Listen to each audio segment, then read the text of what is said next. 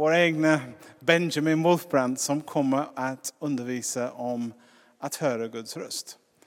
På vår min pil på min skala, jag tror att den helige Ande, han talar till oss innan vi blir kristna och försöker peka ut Jesus och vägen dit. Och när vi blir kristna, han också kommunicerar med oss och hur vi ska leva.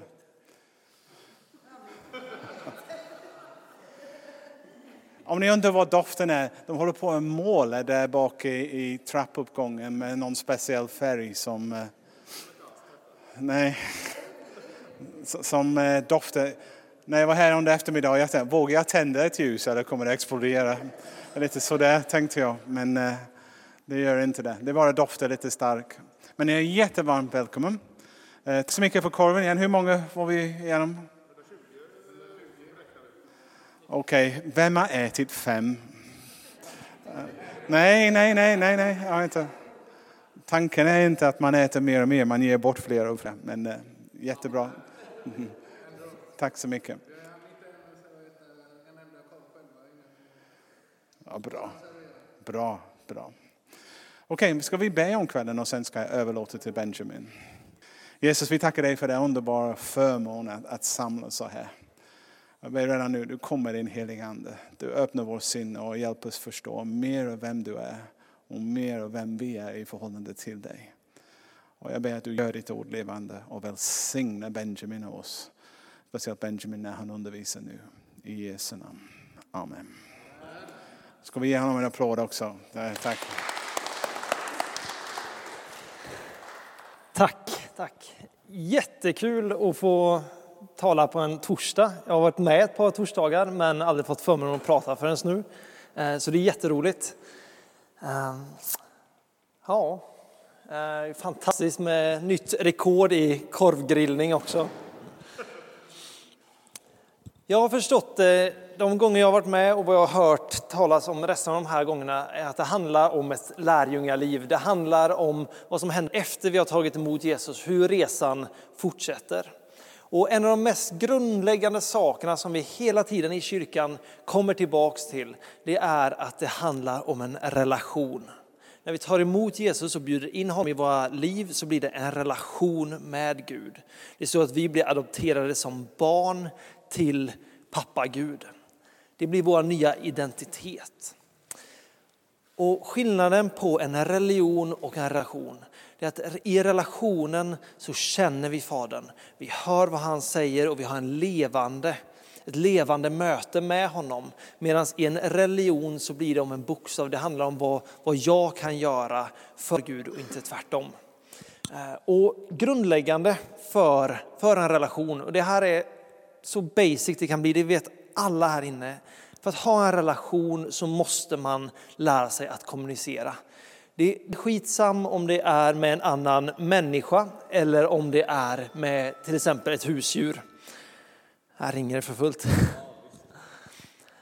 Jag har haft en hund i hela mitt liv. Eh, och jag är inte samma hund, men flera hundar.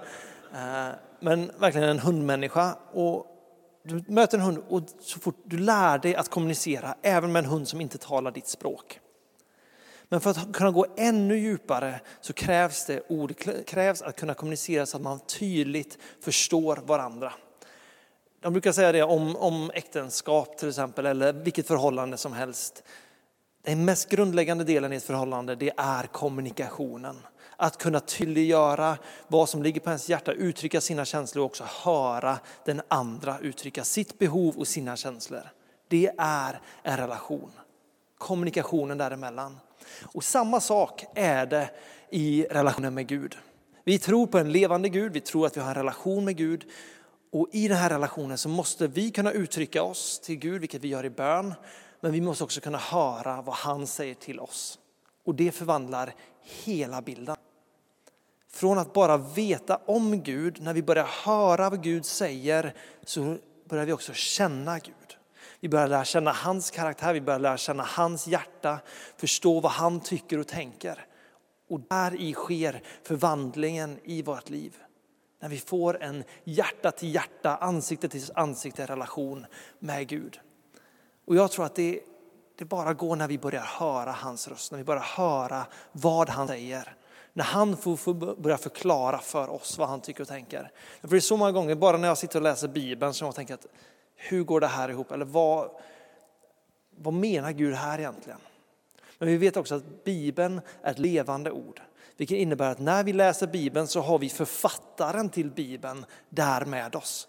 Som talar till oss om vi bara öppnar oss för att höra. Och jag tror det är så här. Jag tror att alla som har bjudit in Jesus i sina liv, gjort honom till Herre i sitt liv, alltså blivit kristen, kan höra Gud. Jag tror att det är någonting som ligger i oss. Det står så här i Johannes 10.27.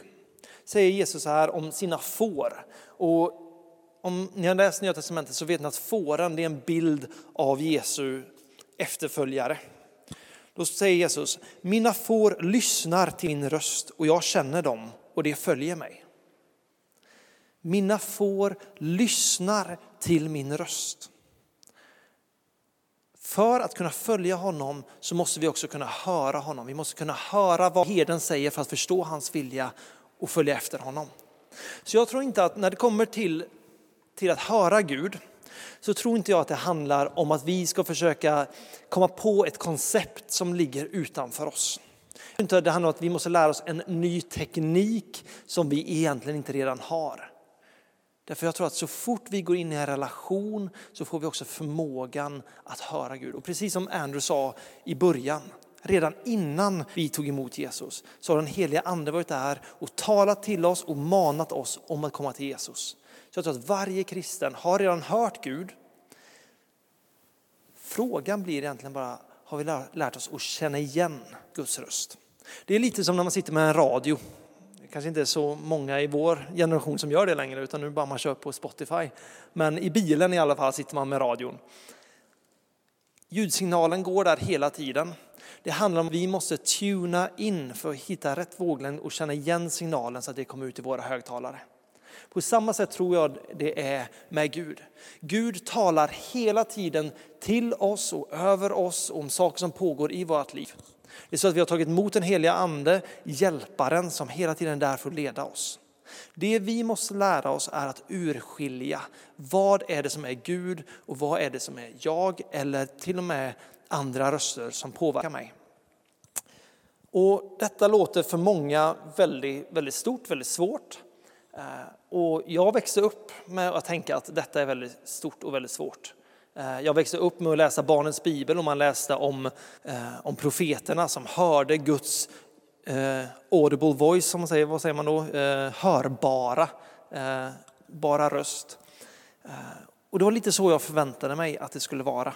Jag förväntade mig att Gud skulle komma och bara tala så att jag hörde det så att det bara rungade i hela rummet. Det var min bild av Gud. Men när jag lärde känna honom, när jag mötte honom, så visade det sig att andra människor tog med mig på en resa. De tog med mig på en resa där jag fick börja träna mig själv i att känna igen Guds röst. För jag tror det är så. Jag tror att, jag tror att vi måste öva oss själva. Öva oss på att känna igen vilka ord är det som är Gud och vilka är det som inte är det. Vissa gånger absolut kan Gud komma och det blir bara supertydligt. Det blir supertydligt att det är Gud och det finns liksom ingen chans att man tar miste på det. Men väldigt ofta så måste man börja, börja i det lilla. Och jag tror också det är så här, det, Bibeln säger så här i, ska vi se här, Korintierbrevet. Första Korintierbrevet 14, vers 1 säger Sträva ivrigt efter kärleken, men sök och vinna de andliga gåvorna, framförallt profetians gåva. Det ligger på Guds hjärta att vi ska lära oss att höra, höra hans röst. Därför Guds hjärta för oss är att ha en relation med honom. För att ha en relation med honom måste vi också lära oss. Så alltså sträva ivrigt efter att lära oss att känna igen Guds röst. Och vi kommer göra det lite längre fram här ikväll. Vi kommer faktiskt att öva. I, I det lilla kommer vi öva oss rent praktiskt på att försöka urskilja vad det är som är Guds röst. Alltså, sen kommer vi att öva på detta i smågrupperna. Så det, det kommer bli väldigt tydligt Peter, du behöver inte oroa dig. Eh, jag vill också bara säga det, en, för er som är bibelkunniga och så kanske ni sitter här nu och så tänker att Romarbrevet 12, eh, Korintierbrevet 12 som talar om andens gåvor. Som säger att en har fått gåvan att profetera, en annan har fått gåvan att hela sjuka, en annan har fått gåvan att eh, göra kraftgärningar. Det är egentligen inte det vi pratar om här idag. Gåvan att profetera tror jag handlar om en extra smörjelse. Det handlar om en extra tjänst i att tydligt tala ut Guds ord för människor runt omkring. Men att höra Guds röst, det är någonting som tillhör alla kristna. På grund utav att det är en relation och att fåren hör herdens röst. Det är samma sak när det kommer till helande. Jesus säger till sina lärjungar, gå ut och bota de sjuka. Det är ett kall till alla lärjungar. Sen finns det de som har en gåva i att hela de sjuka. Och det är egentligen ett helt annat eh, undervisningsområde, men jag vill bara poängtera det att det, det, alla kristna kan höra Guds röst. Sen kan vissa ha extra smörjelse eller ha extra lätt för att göra det och kanske Gud anförtror ännu större saker. Eh, men det är egentligen inte det vi ska prata om. Eh, jag tänkte så här. Hur börjar vi? Hur lär vi oss detta? Under min uppväxt har det varit så att man har samlats i en liten grupp och man har fått sitta ner med andra människor. Och sen har man fått testa att profetera över den andra människan. Därför att när vi ska lära oss att höra Guds röst så måste vi våga testa orden. Och vi måste våga vara beredda att misslyckas och ta fel. Därför att om vi inte tar risken, då kommer vi aldrig heller att lära oss att märka skillnaden på vad det är som är Gud och vad som inte är Gud. Och det finns verkligen ingen skam, det finns inget misslyckande egentligen i att höra fel. Det finns ingenting som säger att detta var, var dåligt gjort, utan Gud säger sträva ivrigt efter gåvan att höra min röst. Så varje gång som vi sätter oss i en position av att nu ska jag försöka lära mig, så tror jag att Gud kommer vara där, han kommer att uppmuntra och han kommer uppbygga oss så att vi sakta men säkert blir bättre och bättre på det. Och det här med att träna med andra människor, jag tror att det är ett av de absolut bästa sätten. Anledningen till det är därför att det blir så extremt konkret. När jag sitter och lyssnar in Gud för mig själv så får jag massa tankar och kan tänka att detta kanske var Gud. Men det blir också väldigt svårt att testa, var detta Gud eller inte? Men om jag till exempel sitter här med Kent och jag ska profetera över honom eller ge ett ord till honom. Då ger jag det och sen ser vi hur landar detta. Kan han känna igen sig i detta? Kan han känna igen om detta stämde faktiskt? Då vet jag, om han bekräftar det, så vet jag att okej, okay, men nu är jag något på spåren. Nu, nu har jag någonting här. Och så lär vi oss. Så lär vi oss. I det här minsta så lär vi oss, okej, okay, men där, det där var ändå Gud, därför Kent kunde bekräfta det. Då kommer jag ihåg det. Men om han säger att Nej, men det, där, det där stämmer inte alls, du har helt fel. Då lär jag mig av det misstaget. Då lär jag mig i den att okej, okay, men då, då var det inte Gud. Och så testar man igen. Och så testar man igen. Och så testar man igen. För kyrkan, eller det här som vi är nu i en lärjungaskapsskola eller träning om man får kalla det det. Det här är en trygg plats. Det här är en trygg plats där vi får försöka, där vi får öva oss, där vårt ord inte bygger på den andra personens frälsning eller någonting, utan det enda vi gör är att här testar vi. Jag testar att höra Gud och jag delar det och jag ser om det fungerar. Så det vi kommer göra sen när vi kommer pröva här inne, det är en fullständigt trygg plats. Kyrkan, det är vår träningsplats. Det är bra.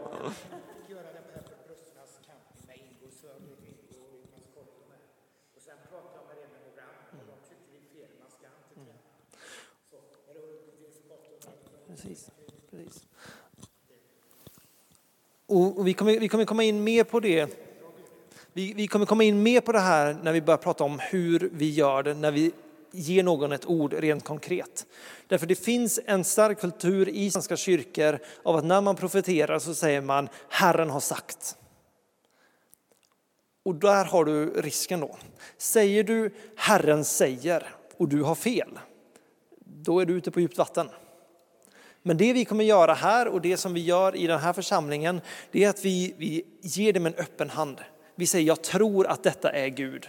Så att om det inte skulle vara det, därför vi är medvetna om att vi alla har våra brister. Vi alla håller på att lära oss, vi alla håller på att bli bättre på det. Jag tror att även de största profeterna som vi kan se i våran tid just nu, även de ger dåliga ord ibland. Det är jag helt övertygad om. Så om vi säger Gud säger, då får det en jättetyngd och då måste det vara rätt. Men om vi säger jag tror att Gud säger detta, då, får, då har vi utrymme. Då har vi utrymme att testa. Sen får man pröva det och vi kommer, vi kommer till det också. Det, absolut. Absolut, absolut. Men ska du säga Herren säger, då måste du vara 110% säker. Så därför kommer jag förbjuda alla här inne att säga det ikväll. Vad ni gör utanför, det får ni stå för själva. Men här säger vi inte Herren säger, utan här ger vi orden med en öppen hand. För att den personen ska kunna ta emot det om det känns rätt och annars, annars släppa det. Men jag tror det är så här, vi förväntar oss ofta att Gud ska tala med en hörbar röst som är, bara liksom skär igenom. Men jag tror inte det är så. Och, ja, ibland är det så, men inte alltid. Och det är samma sak när vi ser i Bibeln, när vi läser om Jesus. Jesus är den perfekta kristna. Den, att vara kristen betyder egentligen att vara en liten Kristus. Så Jesus är vår förebild. Och vi ser det när Jesus går omkring. Vid ett par tillfällen så hör alla andra runt omkring, så hör de Fadern säga. Vid Jesu dop till exempel så hör människorna hur Fadern säger detta är min älskade son. Men de allra flesta gångerna så vet Jesus saker, eller han, gör, han säger att han gör det som han ser Fadern göra. Som ingen annan är medveten om. Detta innebär att Gud talar till honom på ett sätt som gör att han förstår, men människorna runt omkring är inte medvetna om vad som pågår. Och detta tror jag kan ske väldigt olika från person till person. Därför är det så fantastiskt att varje människa här inne är skapad helt unikt. Varje person här inne har en unik relation till Gud. Och Gud vet precis hur vi funkar. Precis, Gud vet precis vad vi har med oss in i den här kvällen. Så han vet precis hur han ska kunna tala till dig så att du förstår. Bara för att ge ett exempel på detta. För ett par, eh, ja, det var kanske ett, två år sedan, så en av mina nära vänner, Carolina, profeterade över mig. Och hon sa att när hon såg på mig då hörde hon ett klassiskt stycke från någon känd eh, musiker. Och från detta så kom hon, fortsatte hennes tanke att gå tills hon kom fram till kärnan i det Gud försökte säga. Hon gav mig ordet och jag visste precis att detta måste vara Gud, för det, det träffade rätt. Hade Gud gett mig samma musikstycke så hade jag varit helt lost. Jag hade aldrig hört talas om kompositören, jag hade inte känt igen det och jag hade inte fattat alls vad som pågick. Men eftersom Gud visste hennes intresse för musik, hon visste hennes, eh, hennes kunskap inom musik och visste också hur hon fungerar så kunde han ge på ett specifikt sätt till henne som hon kunde direkt koppla till det är nog detta Gud försöker säga. För två år sedan så bodde jag i London och vi har en förbönssituation. Och jag ber för en kvinna som jag aldrig träffat innan. Och när vi står där så ser jag bara en bild. Eh, I mitt huvud så ser jag en bild av en gammal dammig hylla Längst in på denna hyllan så står det någonting. Jag är inte säker på vad det är, men bara så att det står någonting där inne. Och det enda jag upplever Gud säger är att hon har ställt någonting på hyllan som det är dags att ta fram. Så jag delar detta. Jag vet inte säkert vad det betyder, utan jag bara säger enkelt till henne. Jag tror att du har satt någonting på hyllan som Gud nu säger åt dig att det är dags att ta fram. Och jag gick därifrån. Sen kom hon fram till mig efter det här mötet och hon säger det att för ett och ett halvt, två år sedan så sa Gud väldigt tydligt till mig att det är dags för dig att lägga ditt jobb på hyllan tills jag säger åt dig att ta fram det. Med de exakta orden. Lägg det på hyllan tills jag säger till att det är dags att ta fram det. Jag fick upp bara en bild av en hylla och bara fick känslan av att det står någonting där som det är dags att ta fram. Det var inte en tydlig röst utan jag bara såg den här bilden i huvudet och direkt förstod jag, okej okay, det är någonting som ligger på hyllan. Och det ordet träffade rakt in i hennes hjärta och hon visste att det var Gud. Därför det var exakt samma ord som Gud hade talat till henne innan. Så när vi lyssnar till Gud så kommer han också göra det till ett sätt som gör att vi förstår. Vi förstår vad det är som är kärnan i det. Men Gud är också så bra att när vi inte förstår helt. Jag har fått bilder där man bara tänker att vad, vad handlar detta om? eftersom att det är en relation så kan vi faktiskt fråga Gud, Gud vad menar du här egentligen? Och Gud kommer att visa det, för om Gud har gett dig någonting och han vill att du ska dela det, då kommer han också förklara så att du förstår vad det handlar om. Men vi måste våga, våga ställa frågorna till Gud. Och detta blir väldigt konkret när vi ber för andra människor. När vi praktiskt övar på att lyssna in för en annan människa. Jag tyckte Andrew sa någonting som var fantastiskt bra för, för bara några veckor sedan här. Som jag verkligen har tagit till mig och tänkt att det här måste jag börja göra mer. Han säger att varje gång han kör bil så tänker han att Jesus sitter i sätet bredvid. Och han ställer öppna frågor. Jag vet inte hur ni är, men jag blir ofta så att när jag, ska, när jag börjar be så kan jag bli nästan lite orolig för, tyst, för tystnaden och börja fylla mina böner med mina ord om och om och om igen bara för att jag är rädd att tänk om inte Gud svarar. Men när vi faktiskt vågar fråga Gud, en öppen fråga, Gud vad tycker du om detta? Och sen väntar. Så lovar vi kommer, att be kommer bli så mycket roligare. Därför att vi kommer faktiskt börja höra vad han säger. Så det är, bara ett, det är bara ett tips för den personliga bönen. Fråga öppna frågor till Gud. Gud, vad tycker du om detta? Och förvänta dig. Ge Gud utrymmet att svara. Alldeles för ofta så försöker jag fylla den tystnaden själv. Och det är väldigt svårt för Gud att tala när jag hela tiden tjötar.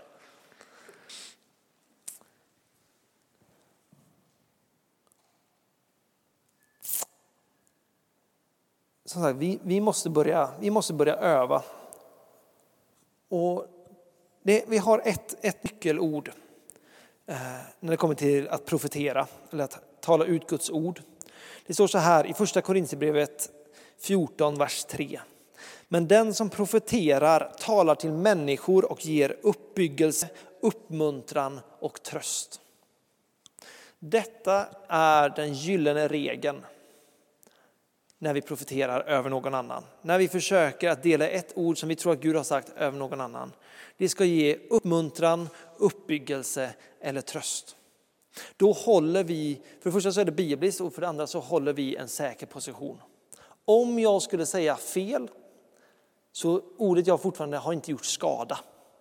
Men om jag skulle börja profetera om olyckor eller om dödsfall eller eh, vad det nu än kan göra så kan det bli extremt illa för människan som får höra detta. Det kan landa helt, helt fel. Så när Bibeln säger att vi ber om bara i det, vi profeterar ut bara det som ger uppmuntran, uppbyggelse eller tröst. Uppmuntran, ni vet alla vad det är. Det är någonting som får oss att om det här känns bra. Uppbyggelse, det är någonting som för oss vidare, någonting som stärker oss. Tröst, det är inte fördömande, utan det är någonting som får oss känna, okay, men Gud älskar mig. Jag är okej. Okay.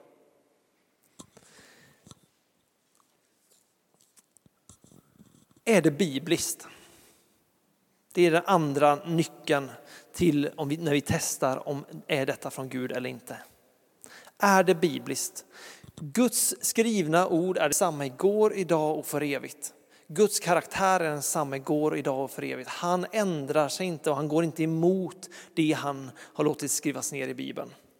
Så skulle vi få ett ord till någon som går rakt mot vad Bibeln säger så vet vi att detta är inte Gud. Därför Gud går inte emot Bibeln. Så det, det, är en, det är en nyckel. Det är en nyckel.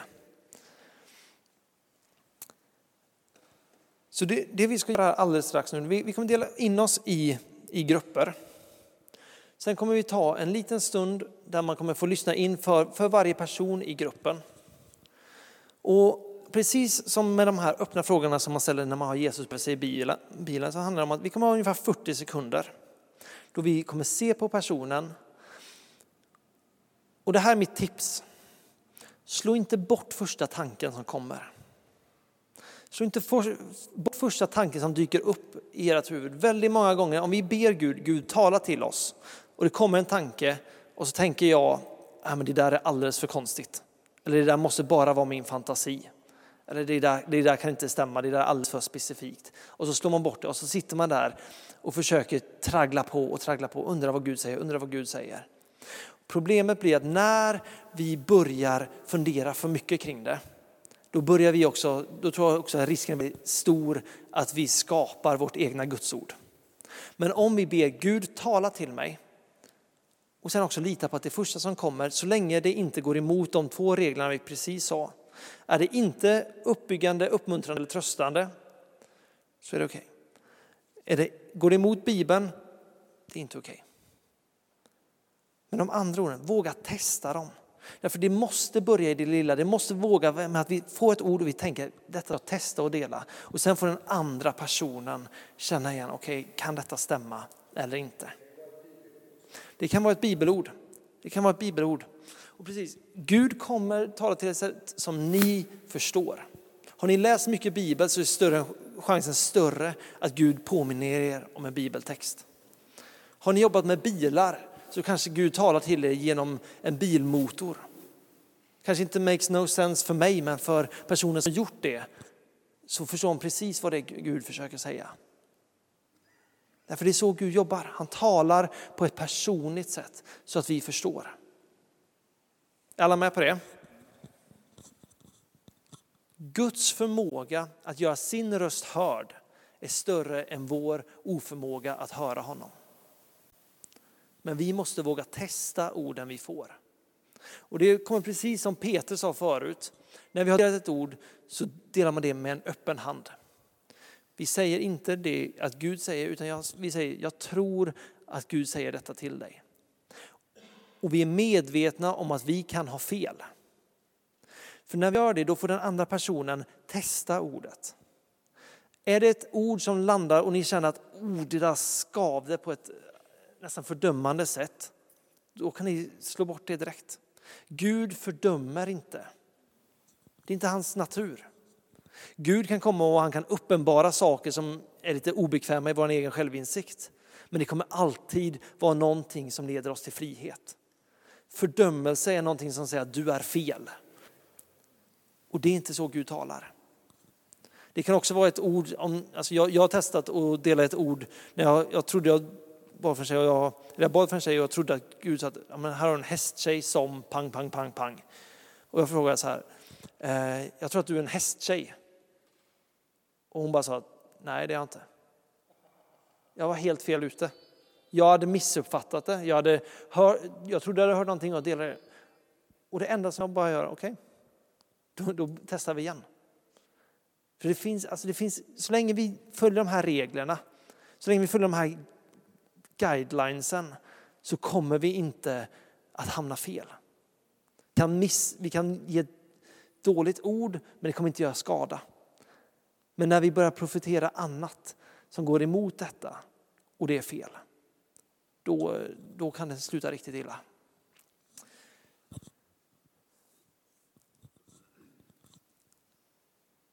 Sådana saker som vi inte profeterar om helt enkelt. Olyckor. Talar aldrig ut det över någon. Jag personligen, jag ber all, talar aldrig ut om det kommer till att handla om, om graviditeter eller äktenskap. Eh, får jag sådana tankar så kan jag be in i det. Får, får jag att Gud upp, eh, ger mig en bild av en synd som människan är i till exempel. Om inte jag känner mig väldigt säker och väldigt bekväm med den personen så jag vet att jag har förtroende att dela det. Då ber jag tyst in i den bilden utan att dela det. Därför Gud kan visa oss saker som vi får be in i men som inte alltid måste delas. Så fort det kommer till att tala ut ett ord över någon annan så ligger ansvaret helt och hållet på oss. Vi har ansvaret för ordet som vi delar. Och därför måste vi pröva det själva innan vi säger det. Sen att det kan vara, jag, alltså jag har gett ord som har känts helt ofarliga och som sen verkligen har träffat den människan i hjärtat då är, då är det Gud som verkligen har träffat rätt och då blir, leder inte det till fördömelse eller till sorg för den människan utan då kommer det leda till frihet och uppbyggelse. Men jag delar aldrig ett ord som jag vet att detta kan göra skada. Utan vi ger ord som uppmuntrar, uppbygger eller tröstar. Så innan vi delar ordet så testar vi det själva. Vi ser, är detta bibliskt? Är det ett positivt ord? Sen delar vi. Och sen ger vi det på ett sådant sätt så att den andra människan får vara öppen med att detta stämmer inte. Eller att okej, okay, jag förstår inte detta nu, vi får vänta och se. Men jag tänker så här, för det... Att höra Guds röst, vi gör det så lätt alldeles för stort. Vi gör det mycket svårare än vad det egentligen är. För vi bygger upp det i våra huvuden. Så därför ska vi nu väldigt enkelt faktiskt öva på detta. Vi ska göra det. Vi kommer göra så här, jag kan gå igenom, för varje gruppledare kommer få ett papper av mig här med ordningen. Vi kommer dela in oss i grupper. Sen kommer vi välja ut en person att vara första försöksperson. Eh, Försökspersonen kommer att blunda bara för att det är lättare för alla andra om inte personen sitter och stirrar tillbaks. Sen kommer vi ta 40 sekunder. Av den anledningen att tar vi längre tid, för det första så kommer det ta hela kvällen, men för det andra att får vi mer tid så är det större chans att vi börjar koka ihop egna tankar. Så 40 sekunder då vi kommer se på personen. Därför väldigt ofta talar Gud bara genom att vi ser på personen. Gud kan visa oss anledsdrag, Gud kan visa oss saker som, detaljer som vi bara fångar upp. Som han drar våran blick till.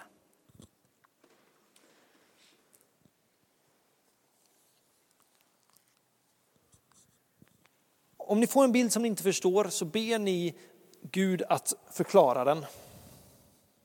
Ni prövar ordet. Ni säger, kommer ihåg uppmuntran, uppbyggelse och tröst. Sen testar ni att dela bilden eller ordet eller tanken ni fått med personen med en öppen hand. Ni säger, jag tror att Gud säger detta. Och sen kollar ni, stämmer detta? Landar detta rätt hos dig?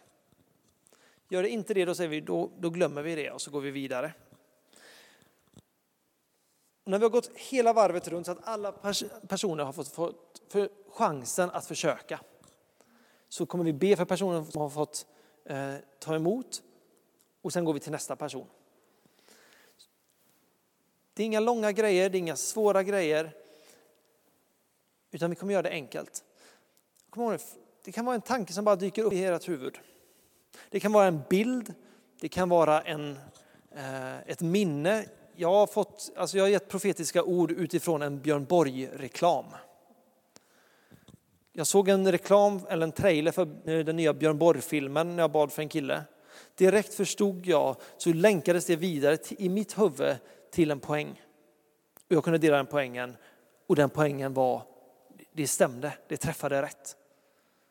Själva bilden behöver inte ha sin, e, alltså vara något stort andligt, det behöver inte handla om kung David i Bibeln. Men Gud kommer tala på ett sätt som ni förstår vad det handlar om. Om ni bara får ordet Björn Borg, då är det ganska liten chans det att det är rätt. Men får ni någonting så, så kommer också Gud leda era tankar så att ni faktiskt förstår vad det handlar om. Och känner man att jag fick ingenting, så är det helt okej. Okay. Därför vi övar. Men våga dela tanken som kommer. Våga ge det ett försök, för först när vi försöker kommer vi också märka om detta funkar eller inte.